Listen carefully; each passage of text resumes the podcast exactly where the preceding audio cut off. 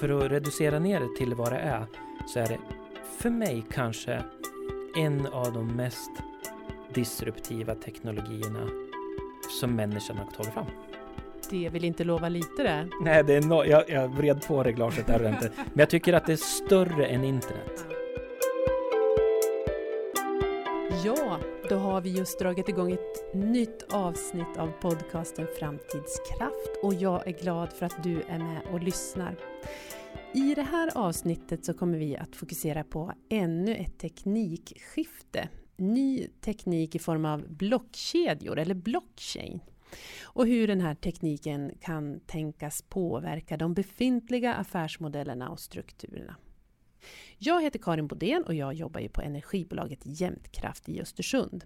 Jag kanske inte direkt kan skryta över att ha någon specialkompetens i ämnet blockkedjor.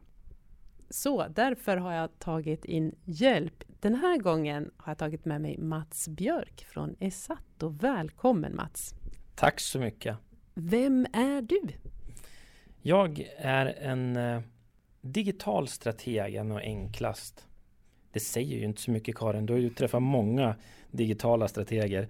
Ja. Eh, men eh, vad, vad sådana gör, eller vad jag gör, mm. det är att jag hjälper verksamheter med förflyttning in i digital. Mm på i, i det enkla och i det stora. En ganska populär och efterfrågad person just nu kan jag tänka. Jo, men just nu är det, just nu är det så. Digitalisering som begrepp har ju du kommit i kontakt med 50 gånger idag, mm. kanske bara. Mm. Och eh, det, det, är många människor som måste vara inblandade i den här förflyttningen. Men min specialitet är att titta på vilken horisont vi ska flyttas mot. Så jag fokuserar jättemycket på framtid exempelvis. Mm. Mm. Och Mm. Och du driver ju också då faktiskt en podd, precis som jag gör. Eh, och där fokuserar ni just på den digitala framtiden, eller hur? Ja, ja. precis. Här har vi ju också eh, där kan man vara friare i tanken och liksom vad, vad blir det liksom av allt? Det, det är ett, ett stort intresse. Där ska vi också prata energi sen Karin. Ja, det ser jag fram emot mycket. Eh, något av en utmaning inser jag. Men idag så ska vi prata blockkedjor eh, och det är därför du är inbjuden som specialist på det. Hur är din relation till blockkedjor? Jag har, eh, jag har en, en knagglig relation till den här fantastiskt lovande teknologin. Mm. En historia som jag kan börja med det är att när jag kom i kontakt med det här så kom jag i kontakt med en valuta som heter bitcoin som jag tror att vi kan prata lite grann om också. Mm. Och då testade jag att göra det som, man, som, man, som jag fick lära mig hette mina. Att, man, att du, du, ställer upp och är en del av nätverket kring den här valutan. Eh, och det gjorde jag det 2012. Och då la jag det, de, de bitcoins som jag fick la jag då på en plånbok eh, som jag nu har tappat bort. Och eh, jag vet inte om du har följt med resan kring bitcoin men det har ju fått ganska mycket värde det här för. Så det ligger några utlandsresor och sådär borttappade på en dator som jag inte då kan komma åt. Så det är min, det är min relation till blockkedjor och bitcoin. 2012, det är jättelänge sedan ja, i, den här världen. Det, det, är, det är slutet 2012-2013 och då började det här mm det här med blockkedjor och bitcoin och, och, och den här lite grann av hysterin som vi kanske inne i nu, eller hur? Mm. Eh, då började den att nå de här absoluta mest intresserade, mm. mig inblandad. Mm. Men då, är man, då kan man säga att du är en av dem som var med eh, från starten. Det är otroligt stora skor att säga så. Alltså. För eh, jag skulle säga att jag var väldigt kanske tidig i early adoption. Eller den där, mm. alltså, um, och det var verkligen bara en internetgrej mm. då. Eh, men min min kunskap om den är, jag ska ändå säga, hur många tillämpningar har jag gjort eh, i, i projekt på riktigt? Nej, det är inte speciellt mycket. Den är väldigt, den är teoretisk, men den eh, men nu när vi tittar på digitalisering så är det definitivt en, en, eh, en teknologi som ligger där på radarn mm. för nästan varenda verksamhet. Mm. Jag ska bromsa dig lite grann här, för vi måste backa tillbaka. För nu pratar vi som om att eh, alla ja, vet här vad blockchain är och vad blockkedjor är.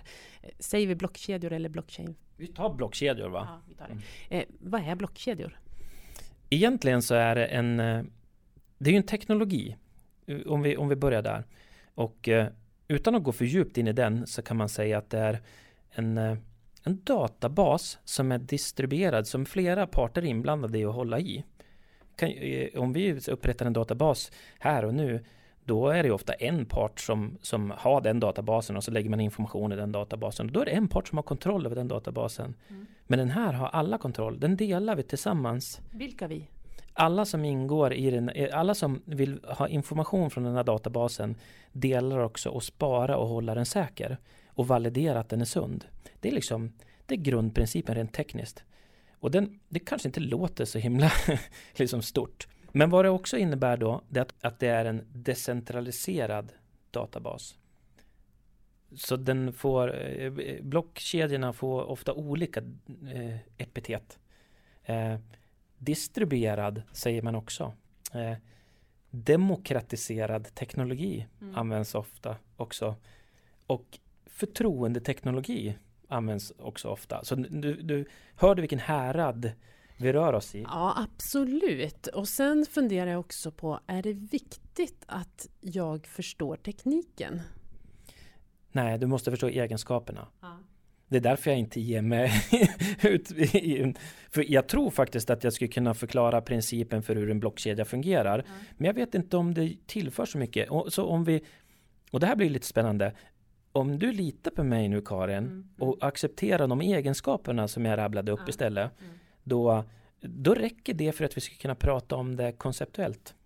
Ja, ja jag litar på dig. Jag litar på människor. Oftast. Men det ska du ju då inte göra längre. Mm. För att blockkedjan säkerställer ju förtroendet mellan dig och mig. Mm. För det kan ju vara så om du och jag gör en överenskommelse. Mm. Här får du fem spänn om jag får ditt sudd.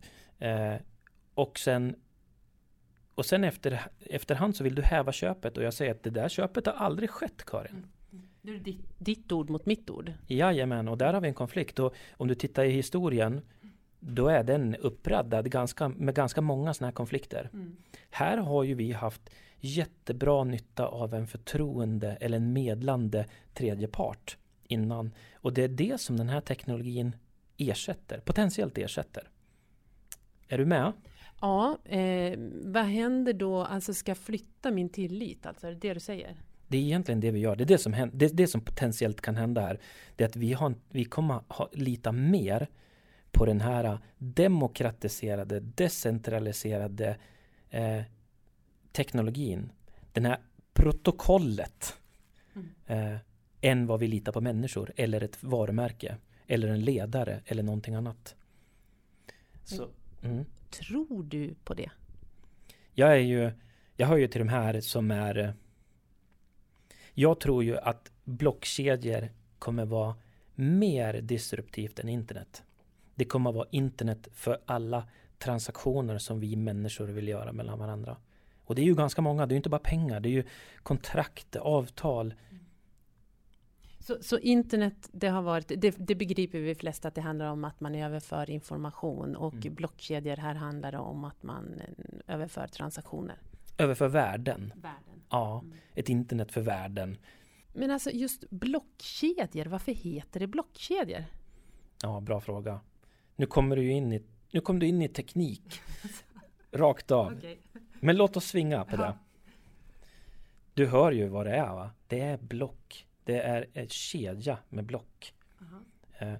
Så vad är ett block då? Jo, men det är en Det är en, en bunt med transaktioner eller överenskommelser som är krypterad, som är mellan två parter. Så om vi tar ett exempel där du och jag gör en överenskommelse. Jag köper någonting av dig. Och den transaktionen tillsammans med andra transaktioner läggs då i ett block som är definierad mängd transaktioner.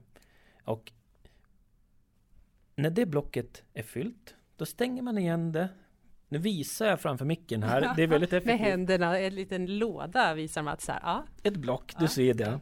Och så lägger vi den eh, redo för att tillföras till kedjan. Men vad som händer då innan den får tillföras till kedjan, det är att det kommer in det kommer in de som deltar i det här demokratiska, distribuerade, decentraliserade nätverket kommer in och validerar att det här blocket är sunt. Att, att summan av det här blocket stämmer. Mm. Och om de är överens, då tillförs det här blocket till kedjan. Nu lägger du den där lådan ovanpå andra lådor här. Du ser att jag illustrerar ja. framför micken.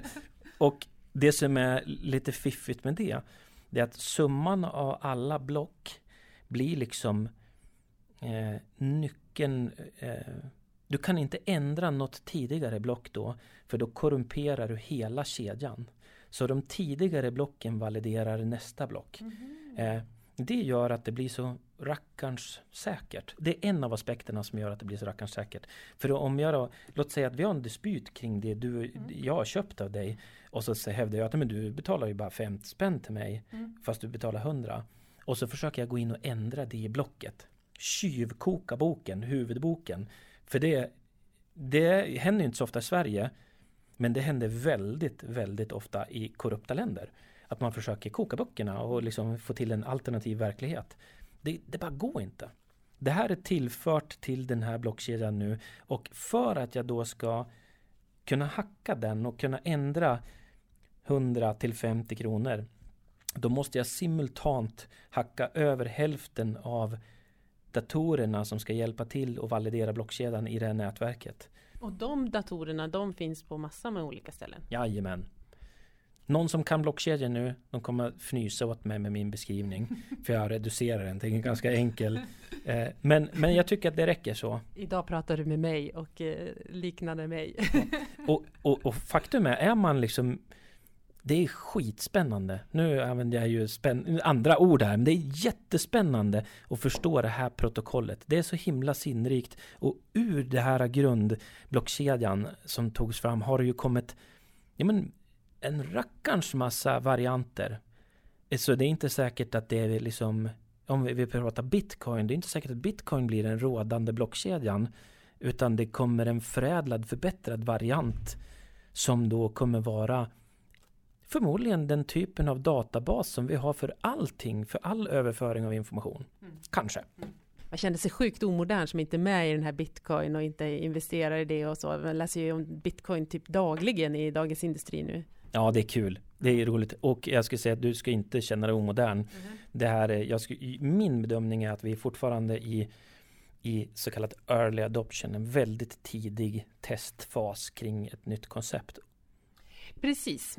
Och det pratas ju otroligt mycket om blockkedjorna eller blockchain just nu då. Men de praktiska tillämpningarna är ju fortfarande rätt så lätträknade. Mm.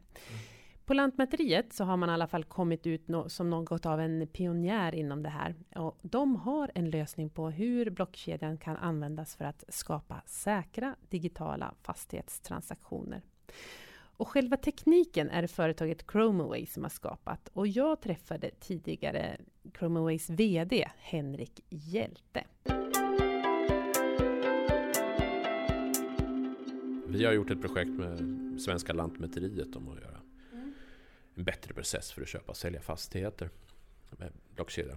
Eh, inte bara Lantmäteriet utan eh, SBAB, Landshypotek, eh, Telia Company, och nu också Evry mm. och Kairos Future. Så vi har gjort det här tillsammans. Eh, och eh, det är bra i Sverige. Vi kan liksom få ner tiden att göra en affär från tre månader till tre minuter. Och det är jättemycket effektivitetsvinster. Istället för att skicka pappersdokument så kan man ha en digital process där man, man skriver på allting med din mobiltelefon till exempel med en digital signatur. Som jag ser att eh, nu har jag köpt köpt fastigheten. Nu är det dags för säljaren att rapportera det här till fastighetsmäklaren. Och sen så är det dags för Lantmäteriet kanske tidigare kan se nu att fastigheten håller på att säljas. Och blockera den för eh, ytterligare försäljning genom att tilldela ett, eh, en preliminär lagfart. Man kan ändra lite i processen. Bankerna kanske inte behöver ringa varandra som man gjorde åtminstone för något år sedan innan de fick nya system för att kolla att pengarna kommit över. Utan man kan liksom intyga direkt att pengarna skickar och mottagarbanker kan intyga att man har fått pengar. Och så, så digitala signaturer och eh, liksom ett strukturerat arbetsflöde som är beskrivet i programkod. Sen lagras det här inte på ett system som ägs av staten eller Lantmäteriet utan det, det, det ska köras utav eh, flera olika parter. Så att alla har tillgång till information, alla kan bevisa eh, att ja, att det stämmer. Precis. Det är ju teoretisk eh, förbättring i Sverige, för vi litar ju redan på, på allting. Men ändå, det är en teoretisk förbättring är fortfarande en, en förbättring. Mm. Men eh, ja, för det här projektet har blivit jätteuppmärksammat. Vi har varit på Världsbanken och talat och varit med i massa olika typer av tidningar och så vidare. Så det är jättestort intresse. Det är väl där mycket av fördelarna kan komma för, för sådana system. Valsystem, mm. public sector, eh, applikation. Kanske kan få ett samhälle där man, man vet att eh, valresultaten är, sker på, på rätt sätt. Man vet att fastighetsaffären sker på rätt sätt och att det inte kan vara någon korruption mm. någon byäldste som kan eh, ändra vem som äger saker och ting. Man kanske kan undvika krig eh, på den anledningen. Eh, det låter som en härlig ja, världsbild du målar upp. börjat. Miljöaspekterna, du kanske inte brinner, bränner ner din skog om du vet att du har tydligt ägande till den. Eh, bara de, sådana ja, saker. Men, men, men där, nu pratar vi om eh, världen i stort och där vi ser att det finns brister. Men hur ser du på Sverige och Sveriges utveckling? Kommer det här att bli intressant för... Eh, finns det några branscher som det här kommer att bli intressant för, tror du? Ja, alltså public sector i, i, Sverige då, eh, vi har ju, eller offentlig sektor heter det. Jag pratar så mycket engelska, jag tappar mitt eget språk, ursäkta mig. Vi har ju en riksbank som eh, till exempel nu har get, kommit med en förfrågan om att kunna göra en e-krona som kanske skulle kunna basera sig på blockkedjeteknik. Mm. Sen i privat sektor finns det ju också mycket, naturligtvis bankerna som har varit ganska eh, tidiga i Sverige och ganska aktiva mot, mot andra länder. Tycker jag.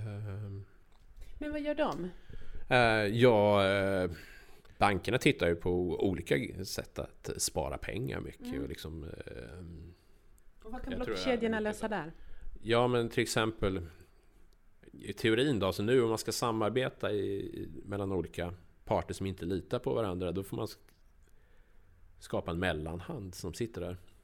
Som är någon slags oberoende. Och de tar ju ofta Eh, Eh, någon slags andel i, det hela. Så det finns ju en potential att eh, spara pengar genom att ha färre mellanhänder helt enkelt. Det var någon som argumenterade att finanssektorn har inte ökat sin produktivitet på hundra år trots att vi har fått faxmaskinen, internet och så vidare, telefonen. Eh, och då skulle då anledningen vara att det ligger ännu mera mellanhänder som måste göra olika typer av kontroller. Så att kan man minska det finns det ett sätt att spara pengar också. Det kan vara att man har system som inte är synkroniserade. Med blockkedja kan man ju direkt ha titta på samma information. Man kan ju säga att alla har samma information så du behöver inte göra en massa avstämningar nödvändigtvis. Eh, så det är, det är lite av en kostnadsbesparing. Mm. Men om man kan handla utan mellanhänder, då borde det betyda att vi som konsumenter också skulle kunna runda bankerna? Ja, det kan man ju också det kan man ju redan idag på sätt och vis. Vill jag göra en utlandsbetalning så kan jag ju faktiskt göra det med kryptovaluta. Det har jag gjort liksom efter att utveckla i Argentina som, som, eh, som bra betalt. Va? Men, men vad säger bankerna om det? Har inte de någon position att försvara här då? Jo, men de, de tror nog att de sitter ganska säkert. Men eh, de tittar ju på tekniken naturligtvis. Mm. Men, eh, vad är din syn då? Sitter de säkert? Ingen sitter väl säkert inför olika typer av teknikskiften, eller hur? Eh, det är väl samma sak med, med, med internet. Liksom det, det, nu är det ju ett hot mot eh, dagligvaruhandeln. Liksom nu, nu är det ju mm. livsmedelsbutiker som behöver vara oroliga för Amazon. Uh, till exempel. Men det var ju ingen som kunde se. Mm. Eller det kanske var de som kunde se det, men folk som inte trodde på det. Folk skrattade åt i början på internet. Det kommer ta lång tid innan man kan handla, handla mat på internet. Mm. Men det kommer ju förr eller senare. Mm. Så är det ju nu. Mm. Men hur ser du på blockkedjorna? Vissa pratar som sagt om att det kommer vara lika vanligt som att skicka ett mejl och så vidare. Tror du det? Eh, ja, jag har nog blivit mer futurist eh, ju mer jag är här faktiskt. Jag började inte som futurist utan mer som tekniker och intresserad av tekniken. Men eh, jag tror nog att det kommer... Ja, absolut. För jag, jag, jag, ställer mig hela tiden frågan, vad, vad, skulle vara bättre med att man har ett centralt system? Då? Nej, det är sällan. Vad skulle vara bättre med att man inte har någon insyn eller kontroll? Inga matematiska bevis? Nej, jag kan inte se vad det är som, med dagens system som egentligen är bättre. Så, så därför tror jag att det kommer ta över ganska mycket. Om man ser till min bransch då, som jag kommer ifrån, energibranschen. Nu är inte du alls inom energibranschen, men ändå kan du se att vi skulle kunna... Eh, är det en möjliggörare för oss? Ja, det är det ju. Eh, men sen kan det vara så att man måste eh, hitta nya, nya positioner när det, när det är nya, ny typ av teknik. Liksom. Så är det ju. Ericsson gör ju inte mobiltelefoner längre, de gör fortfarande i, i telekom och så. Man, man stuvar om sin affärsmodell lite. Kanske levererar tjänster och grejer. Så det, det kommer ju säkert kunna påverka. Men det, det snackas ju om energibranschen att eh, man skulle kunna ta, ta, ha egna system där man får betalningar för sin solproducerade el direkt i en kryptovaluta, vad vet jag, som kan handlas direkt mellan grannarna. Det finns ju projekt kring elbilar. Hur ska de betala för sin, sin tankning? Till exempel. De kanske ska ha en egen digital plånbok där man kan med, också med en kryptovaluta kanske kunna köpa, köpa energin. Eh, Eh, du kanske har överskott i, din bil efter ett tag och sen så finns det någon som på, på E4 som kör det som är ganska akut behov av det. Så kanske du kan tänka dig att uh, sälja lite av din egen energi. För inte parkera på nästa mm. och uh, tanka över det. Lite från din bil till, till nästa bil. Det kan man ju också tänka sig. Mm. En affärsidé jag kom på just nu. Så det är välkommen. Om någon lyssnare vill ha en affärsidé så, så kan ni börja göra det. Nämner man blockchain så är det lätt att hitta finansiering nu för tiden. Mm. Ja, det, det är väl Eh, det, det, finns ju mycket som skulle kunna eh, förändra sig med eh, och hur ser du då? Vad skulle vi inom energibranschen behöva göra då för att kunna ta vara på de här möjligheterna? Ja, men det, det är väl som alltid, man måste börja titta på tekniken och får inte vara för kritisk. Man ska väl vara delvis kritisk. Man ska inte vara lika kritisk som jag var i början av internetboomen. Liksom. Eh. Hur tänkte du då, då? Nej, men man dömer ju ut affärsidéer. Skratta åt YouTube. Så de kommer bli nedstängda när som helst. Ladda upp copyright-material på nätet hur som helst. Det går ju inte. Nej, eller hur? Eh, det var ju många som skrattade åt eh, alla dumma idéer som att sälja kläder online. Liksom, det kunde man ju fattat med en gång att inte det skulle funka. Mm. Så det, och det, det, finns ju mycket möjligheter som låter futuristiskt. Eh, det var väl egentligen ingen som snackade om Facebook i början av internet, men egentligen vem som helst utav alla lyssnare skulle kunna komma på den idén, eller hur? Mm. Det är ganska trivialt. Vi kopplar ihop våra vänner och snackar lite med varandra. Eh, det är ganska uppenbart att det skulle kunna funka i efterhand. Men det är väl många som, sådana idéer kommer. Det finns ju helt nya sätt att, att utnyttja det här. Mycket låter väldigt futuristiskt i framtiden. Jag menar, det bland de futuristiska sakerna med blockkedjan är att tänka företag som inte styrs av eh, ja, någon VD eller ledningsgrupp nödvändigtvis, utan man sätter spelreglerna i programkod. Och så här är det.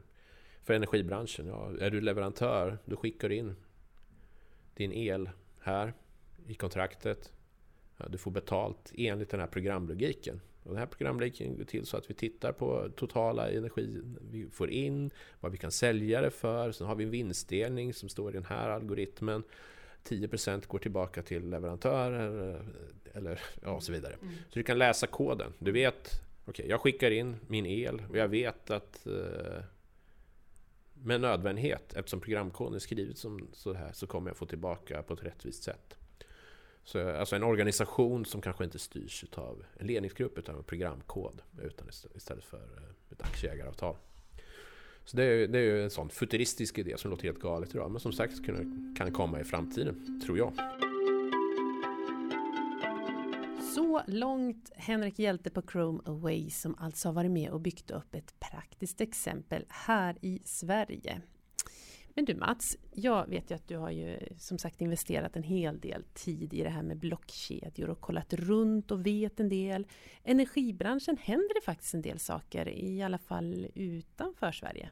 Ja, och faktiskt också lite grann i Sverige. Eh, som sagt, de stora tillämpningarna för blockkedjor väntar vi på. Mm. De här riktigt, riktigt stora. Vi, vi, vi dribblar ju med kryptovalutor och bitcoin och så sen Eh, eh, som, eh, som Henrik var inne på, de, deras eh, projekt med smarta kontrakt.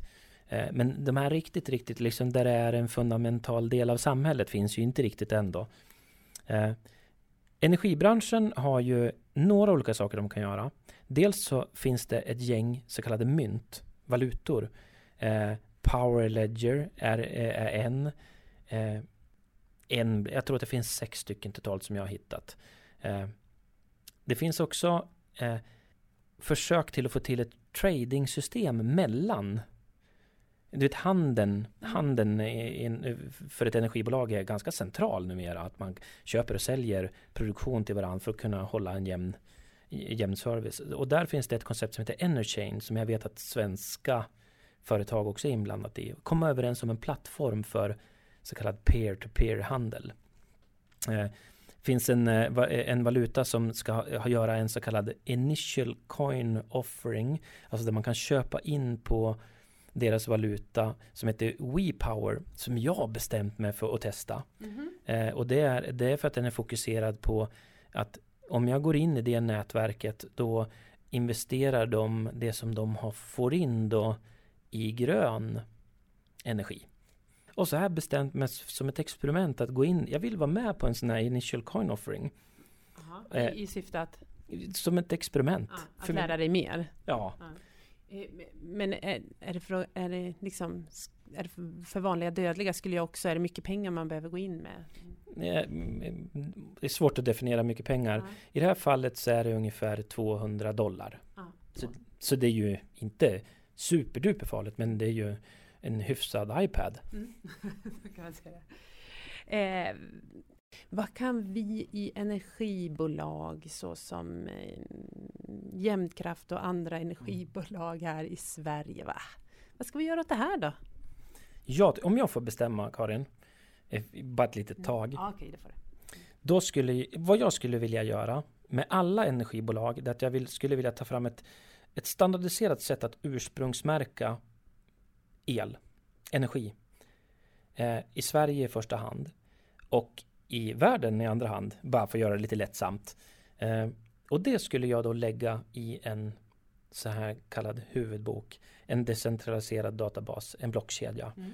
För att vi då skulle vara helt säkra på att den här informationen om ursprunget, mm. den är, kan vi inte dupera. Mm. Och vi är alla eh, beroende av den. Och vi vill ju ha fin ursprung så att vi kan säkerställa att vi håller våra hög, den här höga mängden mm. förnybar energi. Ja, vi har ju idag ett system med, med eh, ursprungsgaranterad energi. Ja, men jag känner inte att jag har någon garanti för det finns ingen demokratisk teknologi som faktiskt validerar det åt mig. Mm. Det är ju bara vad någon farbror har berättat för mig. Så att lägga över det i en blockkedjeteknologi skulle mm, kännas mycket säkrare för dig menar du? Ja men det, jag gjorde nu en liten, liten spetsig poäng där. Men det är där blockkedjan har sin plats. För att då, och det är härligt för företag som vill vara transparenta. För då kan vi liksom, ja men vet du vad? Så här ser vår ekonomi ut. Så här ser vår hållbarhetsredovisning ut. Här har vi all vår, alla våra transaktioner. Här är alla våra ursprung och allting är transparent och tydligt och garanterat av en blockkedja. Då är vi ju sådär transparenta som vi vill vara. Mm. Vi som vill förändra världen och förbättra mm. den. Mm. Ja. Vilket bra tips! Har du något mer sådär som du har gått och funderat på? Mycket. Ja, jag tänkte det. Nej men jag skulle vilja eh, Det är några saker som jag skulle vilja testa. Dels den då. Jag tycker den är jättelämplig att undersöka eh, hur vi skulle kunna använda den teknologin. Men sen vet ju jag att om vi har, utan att gå för djupt in i teknologin, så vet jag att om man ska använda eh, den teknologin som blockchain använder som kallas proof of work, vi går inte så mycket in i den, då utvecklar datorerna som håller i blockkedjan, de utvecklar jättemycket värme. Ja. Och då skulle vi kunna använda den värmen. Så eh, jag vet att i Sibirien har jag sett på Youtube nu, där, är det, där använder de det som värmesystem och minar då eh, Bitcoin parallellt. Så utöver att de får vara varm så får de också något annat värde för det. Alltså de skaffar otroligt kraftfulla datorer för att kunna mina de här eh, processerna. Mm. Och de datorerna då eh, skapar en massa värme. Och värma upp huset. Det är jättemysigt. Eh, ett annat sätt som vi skulle kunna göra eh, Solenergin vet vi ju kan bli rätt spännande här eh, när vi går framåt. Men ett problem är ju för mig då att lagra information eller lagra energin eller föra över den eller sälja tillbaks det är inte så perfekta system än så länge. Det kommer säkert bli om jämnt kraft är inblandat och så. Då kommer det bli magiskt. Nej men det, det, vi har, det är ung teknologi än så länge så ett annat alternativ än att sälja tillbaks det eller att, att lagra det skulle kunna vara att man skickar ner den energin solenergin in i en, en sån här så kallad miner. Någon som hjälper till att hålla i blockkedjan. Och då genererar man ju också ett värde av överskottsenergin. Det är bara lite, lite lösa tankar. Det skulle jag vilja labba med. Se om det går. Det låter så självklart när du säger det. Jag har lite problem med att hänga med i, i tankegångarna här. Men om man är som jag då mycket intresserad och nyfiken och vill lära sig mer. Vad ska jag göra? Jag tycker jag, jag, jag är lite av en TED-junkie. jag vet inte, TED känner vi. TED Talks finns det något som mm. begrepp som de, Om ni inte känner till det så googla. Ja, där finns det ju, det finns jättebra föreläsningar om, om, om blockkedjor i allmänhet. Jag tycker om man har, har Netflix, då kan man titta på en, en dokumentär som heter Banking on Bitcoin, så att man kan få liksom en känsla för, för vad det här är. För, för att reducera ner det till vad det är, så är det för mig kanske en av de mest disruptiva teknologierna som människan har tagit fram. Det vill inte lova lite det. Nej, det är no jag, jag vred på reglaget där inte. Men jag tycker att det är större än internet. Ja. Och det kommer att hända? Ja, absolut. När? Vi är står mitt i det. Det är lite svårt att se. Men vi... Vi känner marken vibrera. Ja, och det är kul. För att om vi bara är liksom, om man ser till de här förändringarna med ett litet, litet kärleksfullt synsätt. Mm. Att vi experimenterar och inte är så skraj, inte kör, dra i förbudsgrejen så där tidigt utan vi snarare omfamnar och tittar på möjlighetsaspekten. Ha diskussioner om etiken, det ska man ha i alla skiften. Eh, så att vi kan, för vad vi vill göra med det här eh, eh, det här jobbet som vi håller på med nu, det är ju att förbättra en värld på riktigt. Eh, och då har vi inte råd att inte omfamna effektiva förbättrande saker för civilisationen. Och det är det jag tycker att blockkedjor kan vara. Coolt kan det bli. Mm. Verkligen! Mats, mm. eh, jag vill tacka dig särskilt för att du var med här i det här avsnittet och hjälpte mig att reda ut det här med blockkedjor. Jag vill också tacka dig som var med och lyssnade här idag. Och sen undrar jag Mats, skulle vi kunna lova att du är med och pratar lite etik och AI i nästa avsnitt utav Framtidskraft? Nu, nu berör ju alla våra favorittopics här. Eh, jo men såklart. Kan du det? Eh, definitivt. Vad roligt. Då säger vi på återhörande. Tack, hej. Hej då.